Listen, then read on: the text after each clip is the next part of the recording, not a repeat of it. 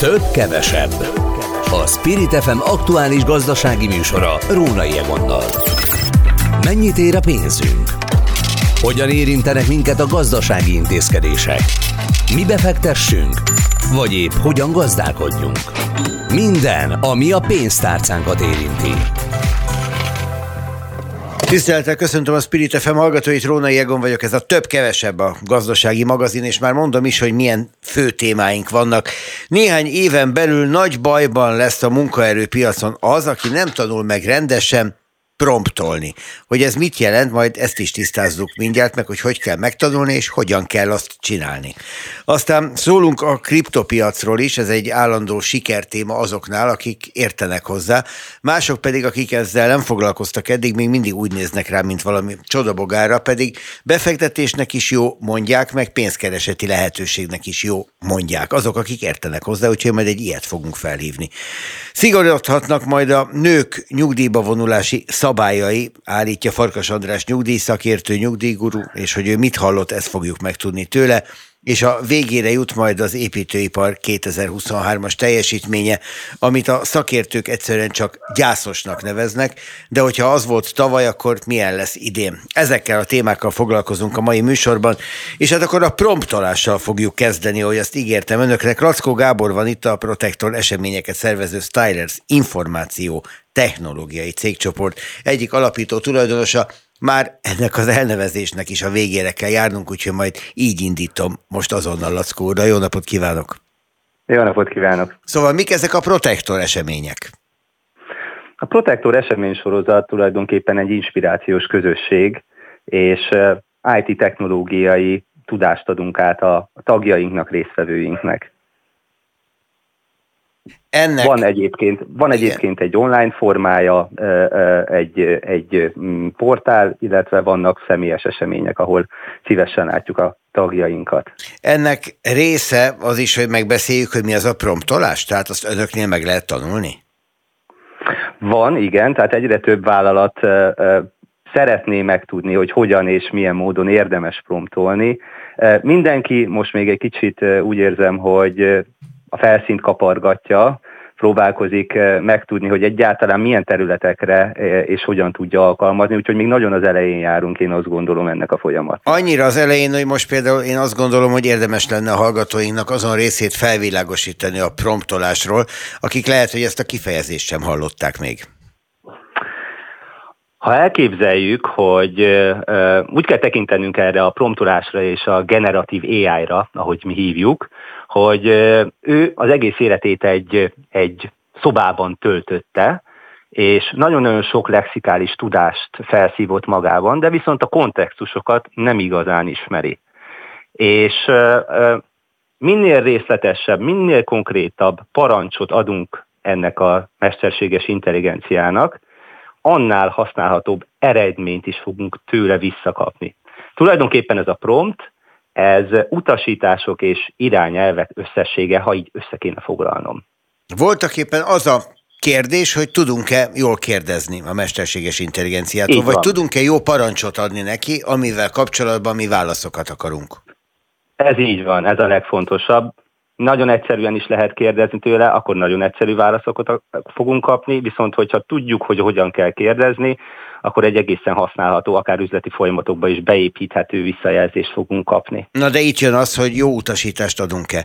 Tehát ott a, a promptolásnál, tehát az utasítások megfogalmazásánál minél bonyolultabbakat adunk, annál könnyebb elcsúszni valamilyen irányba, amitől rossz válaszokat kapunk, vagy rossz válaszokat fogadunk el, mert nem tudjuk, hogy az nem a helyes válasz. Így van, tehát egy rossz prompt az nem feltétlenül fogja azt hiszani, illetve sokszor azt meg kell jegyeznünk, hogy halucinál, egy-egy ilyen modell, tehát nem feltétlenül jó választ, vagy megfelelő választ ad vissza. Ezt a halucinációt, ezt ki lehet küszöbölni, ha például segítünk neki megtanulni, hogy mi a jó válasz, ha esetleg egyszer egy rossz válasz is, Na ad. Hát ha tudjuk, hogy halucinált. Ugye ebben, ebben az az aljas kockázat, hogy az ember hajlamos, hogyha egy szépen becsomagolt választ kap, mindenféle tudományosnak és okosnak látszó körítéssel, viszont az alapvetés már hibás, simán elfogadja elfogadjuk, mert hogy ugye az összes álhír erről szól, mert hogy úgy tűnik, mintha igazi lenne. A mesterséges intelligenciánál ez még inkább becsapós lehet. Ez így van, nagyon-nagyon nehéz megkülönböztetni, és ezért még azért is mondtuk, hogy gyerekcipőben jár, hogy érdemes azért fenntartásokkal kezelni a válaszokat, és inkább olyan területeken érdemes használni, ami egy kicsit kreatívabb. Ugye ezek a területek sokszor most mondhatnám a marketinget, mondhatnám az ügyfélszolgálatok munkáját, üzleti folyamatokat, vagy akár HR területeket, oktatást, szoftverfejlesztés, ezeken mind-mind-mind lehet használni, mert ott viszonylag exakt válaszokat is megkaphatunk tőle, és amik már én úgy gondolom, hogy egészen jó minőségben is tudjuk őket használni. Ennek a, a prompt műfajnak vannak nagyon komoly tudósai már, akik szakmányban űzik ennek a, a művelését, igaz? Azt azért hozzá kell tennem, hogy ez még mindig egy körülbelül egyéves szakma, tehát nagyon szenior feketeöves emberek kevésbé vannak, mindenki azért tanulja, van, aki többet, van, aki kevesebbet. És ugye itt jön az, hogy, hogy milyen típusú, tehát hogy a promptolást is hogy lehet felépíteni, és erről is majd szívesen beszélek, hogy mik azok a fő pontok egyébként, ahogy érdemes felépíteni akár egy ilyen promptot. Jó, akkor kezdjük az elején valóban, és akkor a beszélgetés hátralévő részét használjuk arra, hogy tanuljunk is valamit öntől. Induljunk ki abból, hogy most akkor valaki előveszi a mobiltelefonját, felmegy egy olyan applikációra, van néhány már fönt, ami a mesterséges intelligenciához vezeti, és azt mondja, hogy kezdjük el. Hogy kezdj Igen. el? Ugye felmegyünk, mondjuk a ChatGPT-nek van már ugye saját mobil applikációja. Azt mondjuk, hogy a leges, úgy kell rátekinteni az egészre, mintha egy teljesen üres lappal, egy fehér lappal kezdenénk. Első körben egy promptot érdemes úgy felépíteni, egy kontextust adunk neki. Azt mondjuk, hogy például ő legyen egy reklámszövegíró. Helyezze be magát ebbe a, a, a szerepbe. Ezután jó, hogyha egy, egy feladatot meghatározunk neki, azt mondjuk, hogy foglalj össze egy, egy hosszabb szöveget, egy lényegre törő bekezdésbe, fordíts le valamit, írj egy levelet. Ha ezt meg tudjuk fejelni azzal, hogy példákat adunk, van már egy korábbi levelünk, van egy korábbi reklámszövegünk, hogy kb. így kellene kinéznie ennek a, a szövegezésnek, akkor ő már tudja a stílust, és fel tud készülni rá, hogy mondjuk milyen típusú e, e, tartalmat várunk. Meg hadd akasszam meg egy pillanatra, Igen. azt nem visz félre, hogyha én akarok neki mintát adni? Tehát nem szűkítem be az ő idézőjelben gondolkodását azzal, hogy megmutatom neki, hogy igazából mi volt az előzmény? Ha én jogász vagyok, ha én IT szakember vagyok, vagy ha én egy ügyfélszolgálat vezetője vagyok, nem mindegy, hogy milyen stílusban adja vissza mondjuk az adott szövegezést. Tehát, hogy ezért érdemes betenni neki, hogy mi, mit szoktunk általában az iparági sztenderdek alapján válaszolni, vagy milyen szövegkörnyezet szokott lenni. Ha ez nem fontos, akkor ezt ki lehet hagyni. Ez, ez igazából a, a, a, az adott területhez egy szűkítésként használható. Bocsánat, oké, menjünk tovább, én csak okvetetlenkedtem. Mm, a következő pont az az, hogy megadjuk nekik, neki a korlátokat. Azt mondjuk, hogy bizonyos számú karaktert használat, legyen 10 mondat, legyen 5 mondat, mennyire legyen kidolgozott, mennyire legyen részletes az adott válasz. Megadjuk tulajdonképpen neki azt, hogy milyen erőforrásokkal gondolkodhat és dolgozhat. Ezután ugye megnézzük, hogy egyáltalán mennyire, mennyire jó a válasza megadjuk neki azt a, a, a, a, az inputot, hogy például, ha mondjuk egy reklám kampányt írunk, hogy legyen figyelemfelkeltő, legyen rövid és mondjuk jól megjegyezhető, ezeket a, a fő impulzusokat is megadjuk neki, akkor ő már tudja, hogy hogyan, milyen keretek közé tegye, és ha azt látjuk egyébként a legvégén, hogy nem igazán találja a, a, az utat akkor, akkor segíthetünk neki mérföldköveket adni, hogy először akkor próbáld meg ezzel, ha ez megvan, akkor menjünk tovább a következő mérföldkőre, és így tovább, és így tovább. Tehát fel tudjuk építeni lépésről lépésre, ha mondjuk túlságosan komplex egy ilyen típusú feladat a számára, akkor így tudunk még jobb választ kicsikarni belőle. Az ember gondolná azt, hogy jó, hát ennyi erővel és ennyi idő alatt már meg is csinálom magam. Egyrészt hát a saját korlátainkat nem baj, ha ismerjük.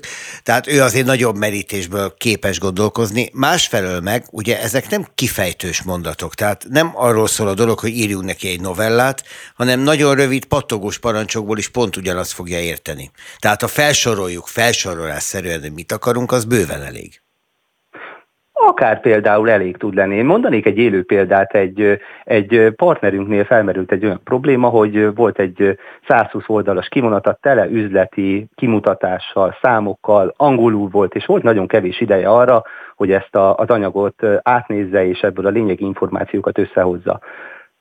ChatGPT-nek odaadtuk ezt az anyagot, azt mondtuk, hogy pár oldalba foglalja össze a lényegi részét, úgy, hogy egy megfelelő üzleti kimutatás legyen ebből.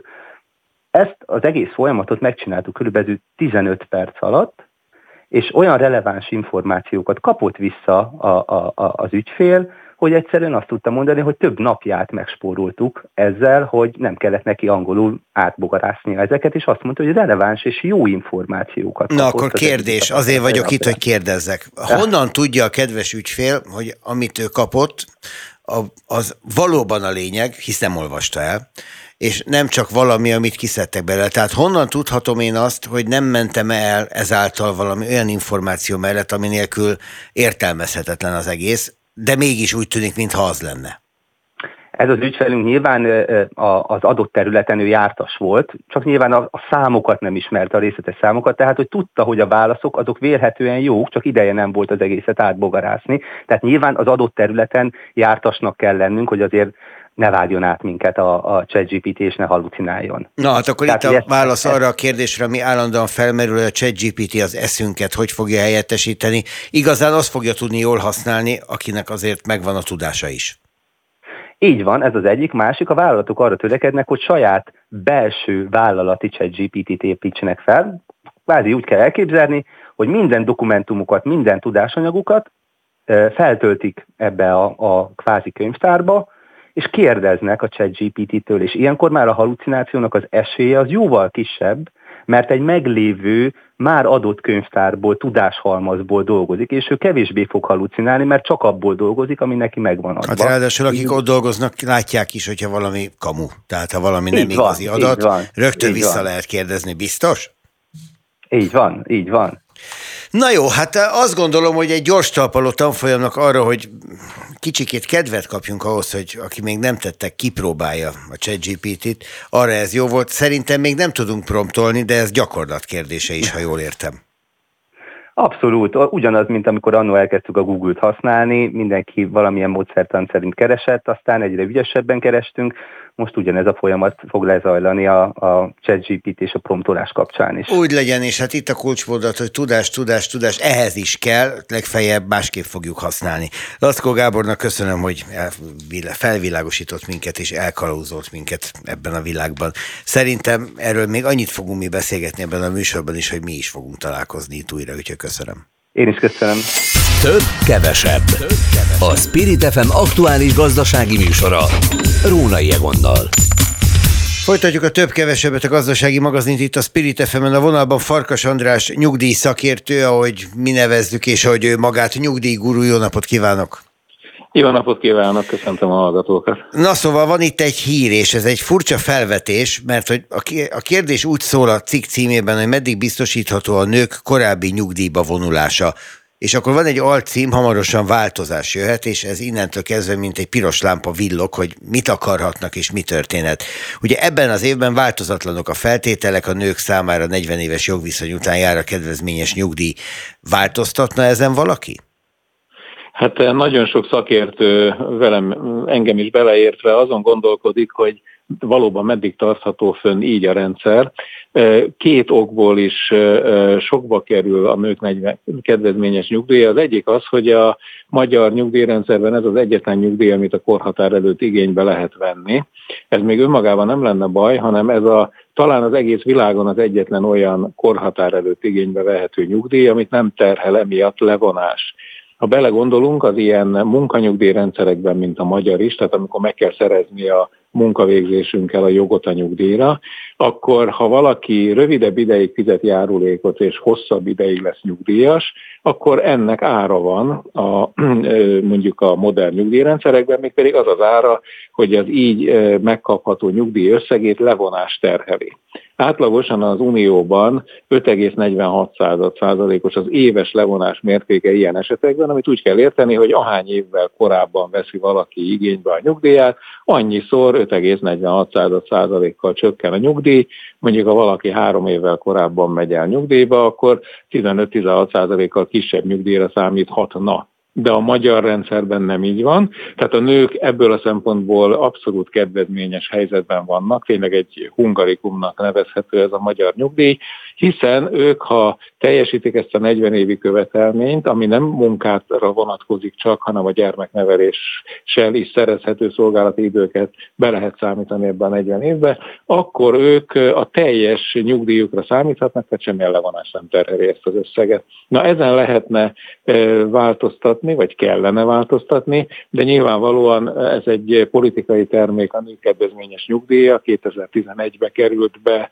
a nyugdíjtörvénybe politikai igényre, és ezért nyilvánvalóan nem a nyugdíj szakma véleménye fogja változtatni majd a feltételeket, hanem amikor a politika úgy látja, hogy ezt változtatni kell, majd akkor esetleg változtatnak, de ennek egyébként 2026 előtt biztos, hogy ennek semmilyen esélye nincs, tehát nem kell tartani a nőknek attól, hogy 2026 előtt bármi is változna. Egyébként igazából ez a megoldás a nők pozitív diszkriminációjára, vagy inkább jobban meg kellene ítélni, és pozitívabban kellene megítélni a mondjuk gyerekneveléssel töltött éveket. Tehát e, igazán nem ott lenne a kulcsa a dolognak, hogy segítsünk a nőknek, hogy az a három, hat, kilenc év az ne elvesztegetett kilenc év legyen a munkaerőpiac és a nyugdíj szempontjából? Sokféle megoldást ismernek a modern nyugdíjrendszerek, a magyar is nagyon jó, tehát nálunk bekerült az alaptörvénybe ez a pozitív diszkrimináció, ez ellen az égvilágon senkinek semmi joga felszólalni. Hát csak a mérték. Se. A mérték az ugye az egy nagyon patika mérlegen kimérendő kérdés. A, mondjuk a, a, megnézzük a német, vagy a svéd, vagy a svájci rendszert, amik mintául szolgálhatnak a modern nyugdíjrendszerek működéséhez, akkor ők nem így oldják meg a kérdést, hanem azt mondják, hogy ha otthon marad valaki egy gyerekkel, ugye itt most ezekről az időkről van szó, akkor ugye ő kiesik a munkaerőpiacról, nem keres, sokkal kisebb mértékű, a figyelembe vehető nyugdíj jogosultsága, amit megszerez ebbe az időben, és azt mondják a modern nyugdíjrendszerek, hogy oké, okay, a dolgozó fél megoszthatja az ebben az időben szerzett nyugdíjjogosultságát az otthon maradó féllel, vagyis elfelezheti az ő megszerzett idejét, megszerzett keresetét az otthon maradó gyermeket nevelő házastársal, élettársal, így egyikük sem zuhan vissza a nyugdíjjogosultságba, mert most a legnagyobb gond, hogy Magyarországon ugyan figyelembe veszik a gyermekneveléssel szerzett szolgálati időt, amit különféle ellátások folyosítás idejével, mint a gyes, a gyed, meg ilyenekkel lehet megszerezni, de mivel ezeknek az ellátásoknak nagyon pici az összege, azok elvileg csak akkor kell, hogy figyelembe vegyék, hogyha emiatt jobb lenne a nőnek a nyugdíj helyzete, de hát ez az esetek 99,9%-ában nem így van, tehát rosszabbul járnak a nők, ha csak ezt a e, e, uh-huh. megoldást nézzük, és emiatt jött be feltehetően egy viszonylag könnyű megoldásként, hogy oké, okay, akkor adjunk a nőknek ilyen kedvezményt, hogy ők elmehetnek korábban is nyugdíjba, még akkor is, hogyha nem töltötték be a korhatárukat. És erre mondja, hogy 2026 előtt ez nem fog változni, a választás után pedig ki tudja, lehetséges, mert ez lenne rá ok, hogy ezen változtasson a következő Szakmai ok van, politikailag meg majd meglátjuk. Farkas András nyugdíjszakértőt, nyugdíjgurut hallották. Köszönöm szépen. Nagyon szívesen. Több, kevesebb. A Spirit FM aktuális gazdasági műsora. Rónai Egonnal. Folytatjuk a Spirit FM gazdasági magazinját. Egy mondat, és aztán majd ezt értelmezzük. Két éves csúcsra ugrott a bitcoin árfolyama, így szól a mondat, és még azt hozzá lehet tenni, hogy 50 ezer dollár felett van a bitcoin, és akkor most ezt itt próbáljuk megérteni. Szakértőt kérdezek, Glázer a közgazdászt, adótanácsadót, kriptovaluta adózási és szabályozási szakértőt. Jó reggelt, jó reggelt, jó napot kívánok! Hol jó napot kívánok, üdvözlöm a hallgatókat, igen. Na szóval, hogyha kriptovaluta, annak most akkor a másik szakterületéről, nem a szakértőiről, hanem az adószakértőiről kérdezem. Különleges adózási vagy szabályozási világa van? Magyarországon érdekes módon nagyon meglepően pozitív szabályozása van a magánszemélyek kriptovalutában megszerzett jövedelmének a szabályozásának. Öm, egyszerű 15%-os adóterhet kell megfizetni hasonlóképpen, mint az ellenőrzött tőkepiaci ügyletek után, és, és érdekes módon nagyon élhető részletszabályokkal, viszonylag könnyű nyilvántartási adminisztrációs kötelezettségekkel. Én úgy érzem, hogy ebben előjárunk a szabályozási környezet tekintetében szinte világszinten egyedülálló a magyar szabályozás. Na, valamiben jók vagyunk. Nem csak ebben nyilván, de ez jó. Viszont Arról mit gondol, az Egyesült Királyságban van egy vita, hogy szerencsejáték-e a bitcoin használata, vásárlása, a forgalmazása, vagy sem? Nagyon mélyen azt gondolom, hogy olyan, olyas valakik tehetnek fel ilyen kérdést, vagy beszélgethetnek ilyen szövegkörnyezetben a bitcoinról, akik nem értik a működését. És ez már egy picit átvezet az árfolyam csúcsok uh-huh. döngeti a kérdésére is, hogy miért tud ekkora növekedést fel, felmutatni egy, egy virtuális fizetőeszköz, vagy egy befektetési eszköz, és hogy miért nem szerencsejáték, szerintem megérkeztünk lassan a témához, egyáltalán nem az. Nagyon nyomos és alapos oka van annak, hogy az árfolyam miért emelkedik. Hát akkor mondja meg. miért? Beszélgettünk pár héttel korábban a bitcoin ETF-ek elfogadásáról, ami egy jelentős mérföldkő volt egyébként február elején a bitcoin életében. Azt hagyd magyarázzam meg, hogy az amerikai tőzsdefelügyelet a bitcoin alapú befektetési alapokat jóvá hagyta. E, igazából akkor erről beszélgettünk, ez az, amit most betűszóval jelzett. Igen, most erre nem utalnék vissza, de talán ezt még véleményem szerint a kisebb hatása az árfolyam emelkedés valódi okának, de ez is közrejátszott.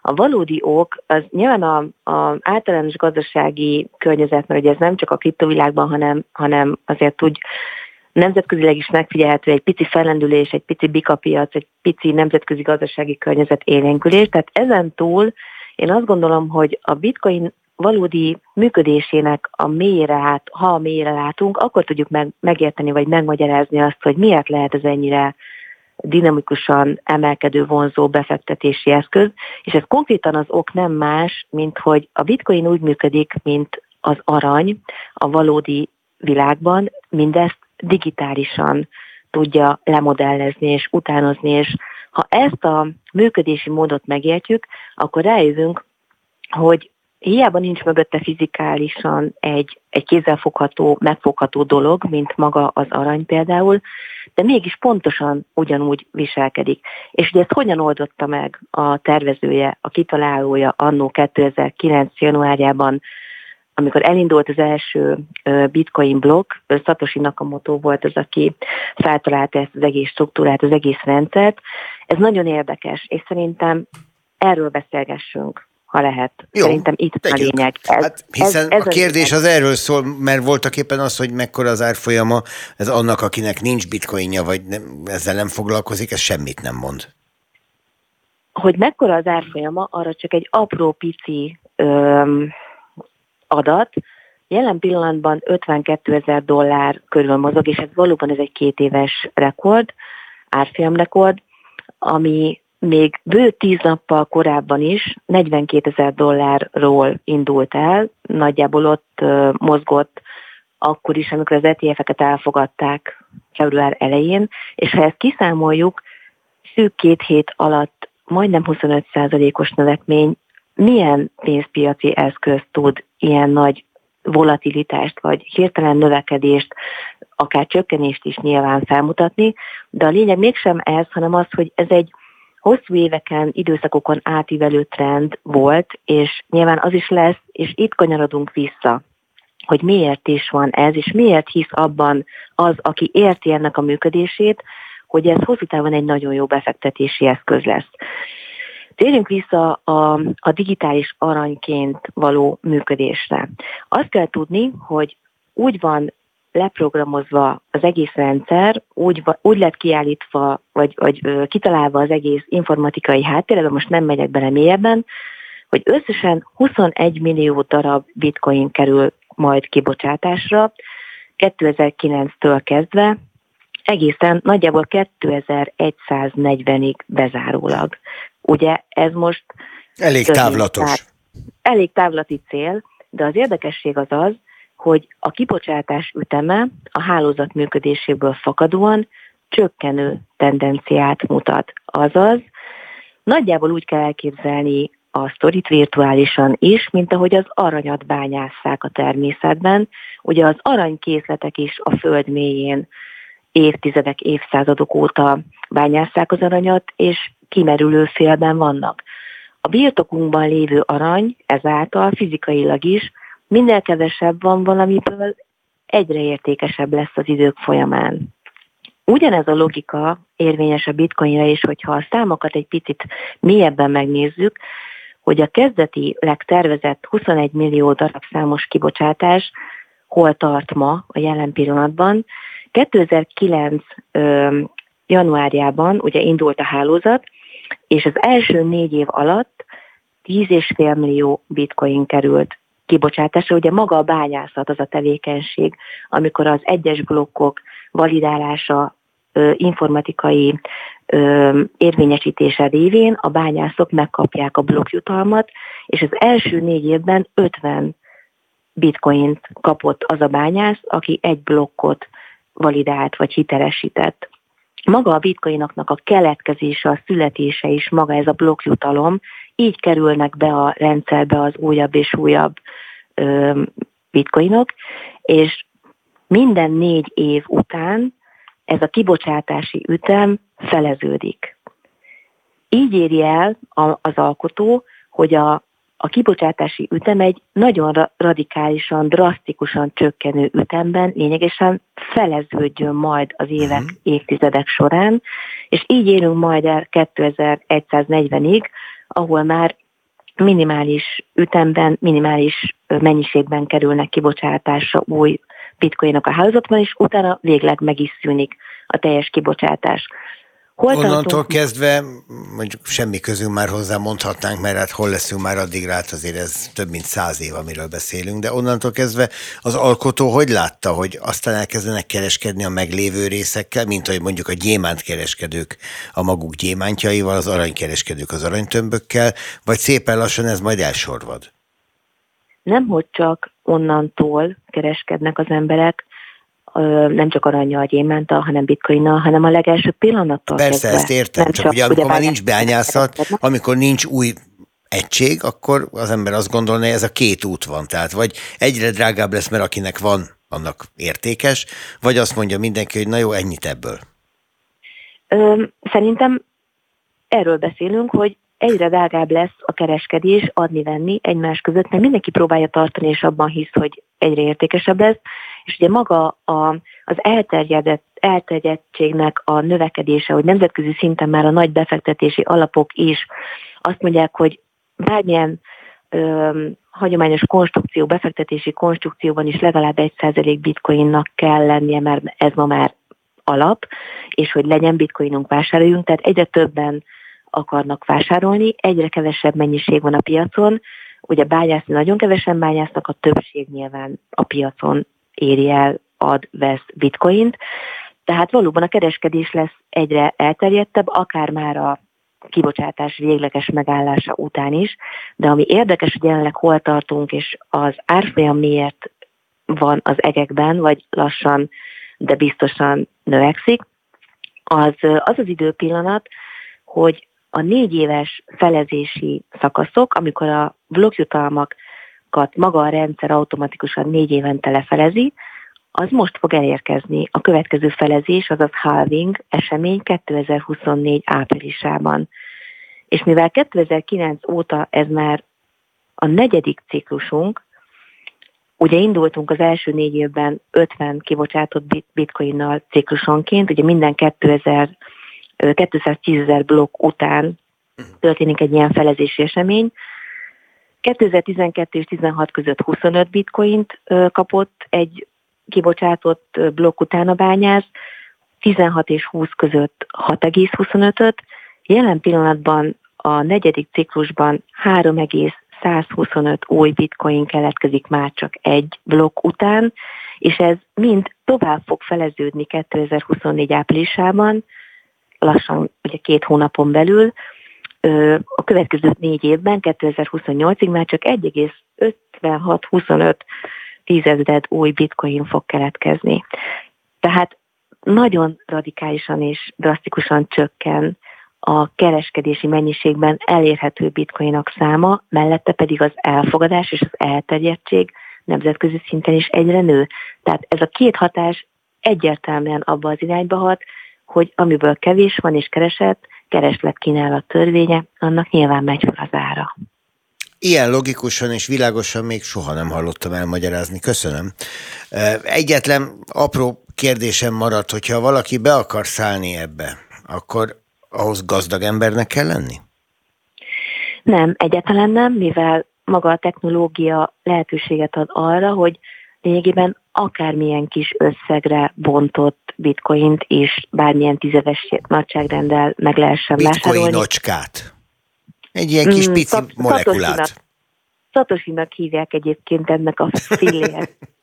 Ugye a feltalálóról érdekes módon, mint a penny, vagy a, vagy a eurónak a, nem tudom mi a cent, cent Igen.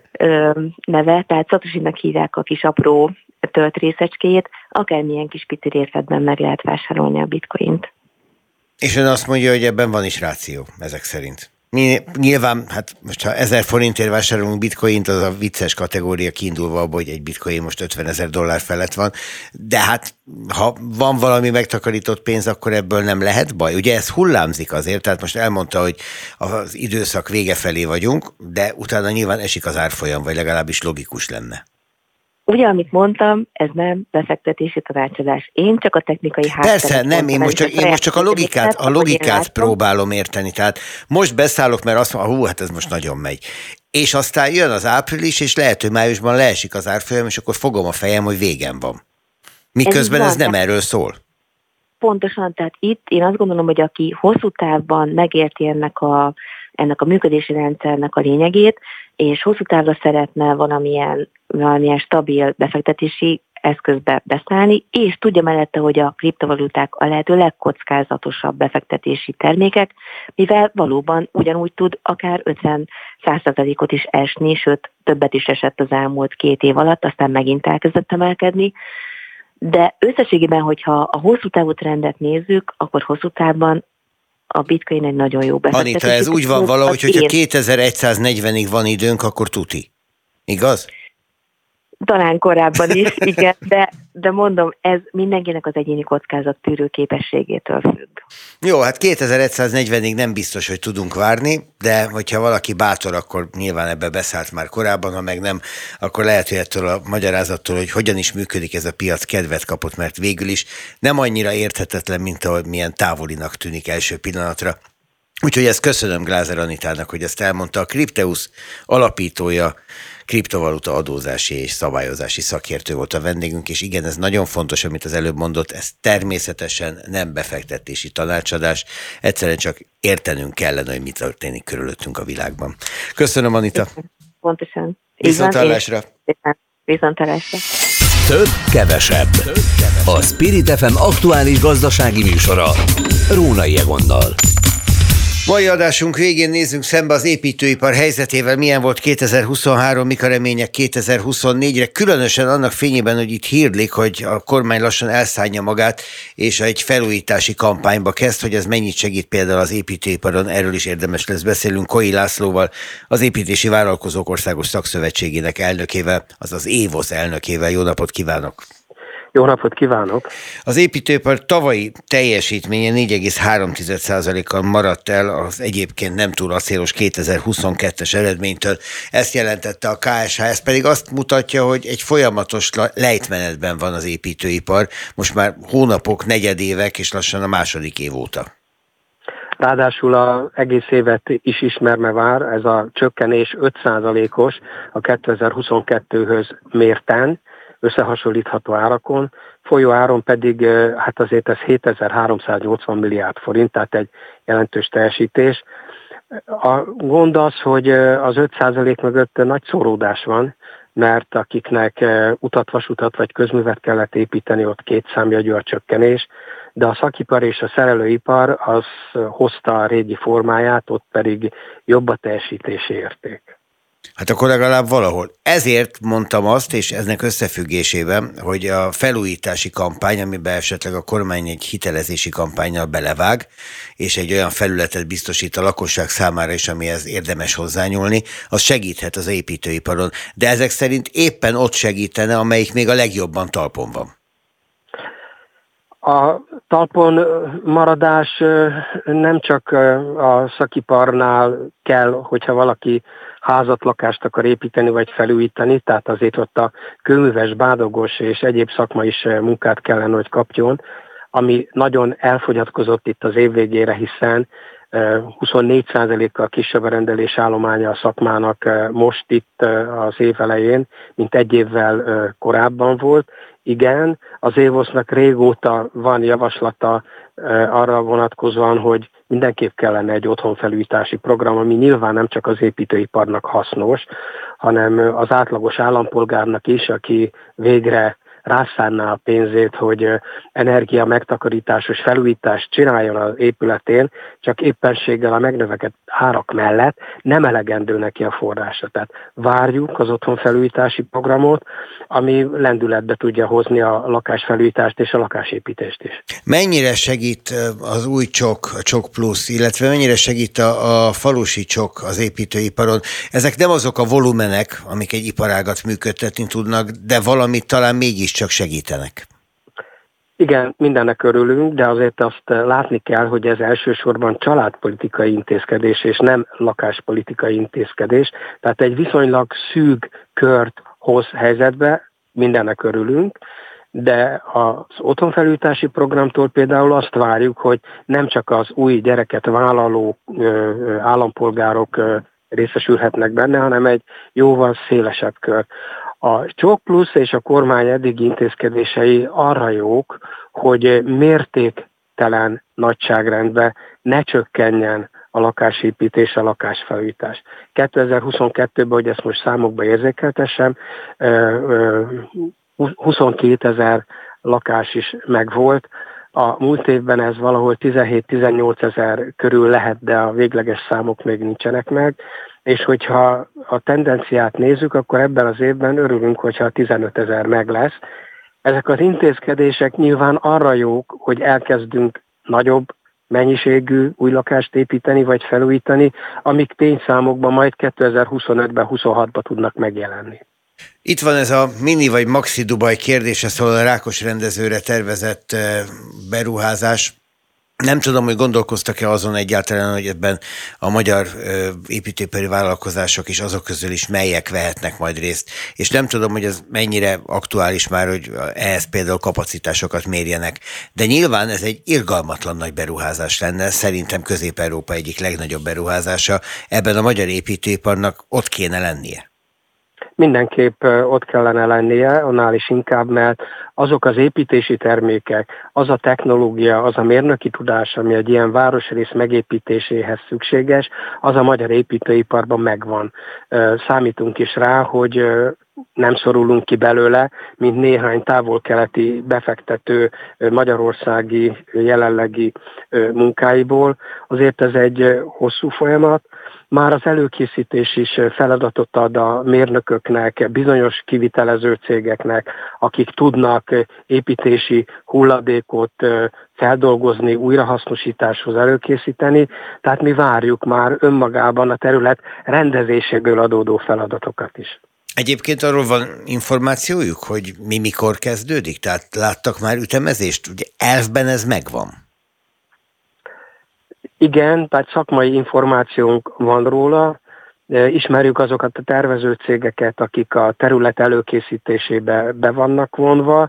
Tudjuk azt, hogy a MÁV-nak, mert ugye a MÁV hasznosításával, tulajdonában lévő területről beszélünk, a költségvetésében, az ezévi üzleti tervében, feladatai sorol között ugye megjelent ennek a területnek a tehermentesítése, előkészítése, alapos előkészítő munkára van szükség, ami akár két-három évig is eltarthat. Persze itt lehetnek jó ütemek, hogy egy-egy terület új beépítésre, felszabadításra kerül, és aztán különböző ütemekben véleményünk szerint ez akár egy évtizedes feladat is lehet. Persze, ha a megrendelőnek, befektetőnek van elegendő pénze, az építőipar rövidebb idő alatt is most látva a szabad kapacitásait képes ilyen városrész megépítésére. Nem tudom, dolga ez ügyben lobbizni, de az előbb én éreztem egy kritikai élt abban a mondatában, hogy a távol-keleti befektetők valahogy érdekes módon kihagyják a magyar építőipari vállalkozásokat a saját gyártelepeik építéséből. Ez ügyben a kormánynak kellett volna sokkal szigorúbbnak lennie? Szerintem szigorúbbnak kellene lennie, és a szigor első lépése, hogy ezeket a beruházásokat le kell ellenőrizni. Tehát le kell ellenőrizni, hogy olyan építési termékek épülnek ebbe, ami az Unióban megengedett, valóban annyi munkaidőben vannak-e foglalkoztatva a távol-keleti kollégák, mint amit a magyar munkatörvénykönyve megenged. Tehát első lépésben mi csak azt szeretnénk, hogy ugyanolyan feltételek mellett legyenek ott a külföldiek, mint ami nekünk kötelező. A dubai, hát most már nevezzük így, befektetéssel kapcsolatban hallott arról valamit, hogy valamiféle kötelmet vállalt a befektető, vagy az állam maga, amelyikkel a magyar kormány szerződött? Nekünk kicsit van több szakmai információnk, mint egyébként a kedves hallgatónak vagy újságíróknak kormányközi megállapodás kell, hogy legyen egy ilyen nagy befektetés mögött, és az erre vonatkozó szándéknyilatkozatok aláírásra kerültek. Na hát akkor ezügyben talán egy lépéssel bejebb vagyunk, mint mondjuk a távol-keleti befektetők ügyében, aztán majd a gyakorlat megmutatja. De ha jól értem szavait, akkor most nem ez a legfontosabb, amire fókuszálnak, hanem valahogy az, hogy megmozduljon a piac, és újrainduljanak a lakásépítések, mert ez a dubai történet, ez még pár évvel odébb van. Igen, hát a nagy munkák közül ebben az évben mindenképp meg kell például, hogy mozduljon a Paks 2 beruházás, mindenképp lendületes mozgásba kell, hogy legyen a Budapest-Belgrád vasút, és mindenképp a koncesszióba kiadott autópályáknak a korszerűsítése és sávszélesítései, ezek olyan dolgok, amik itt vannak testközelbe, és ebben az évben is már feladatot adhatnak, de az kétségtelen, hogy a kormány egyelőre egyharmadnyi annyi munkát rendel, mint akár két évvel ezelőtt, és mondjuk az épületépítések területén előkészítési feladatok nincsenek, autópálya építés, vasútépítés, közműépítés területén igen, arra számítunk, hogy az év vége felé jöhetnek nagyobb értékű munkák, akár a lakosság részéről is, tekintettel a hitelkamat csökkenésére is, ami 2025-ben jelenhet meg a mi teljesítésünkben. Ez az év az építőiparnak egy nagyon nehéz éve lesz. Koi László, köszönöm szépen, ennyi mindenről beszélhetünk, néhány újdonsággal is szolgált, ezt külön köszönöm.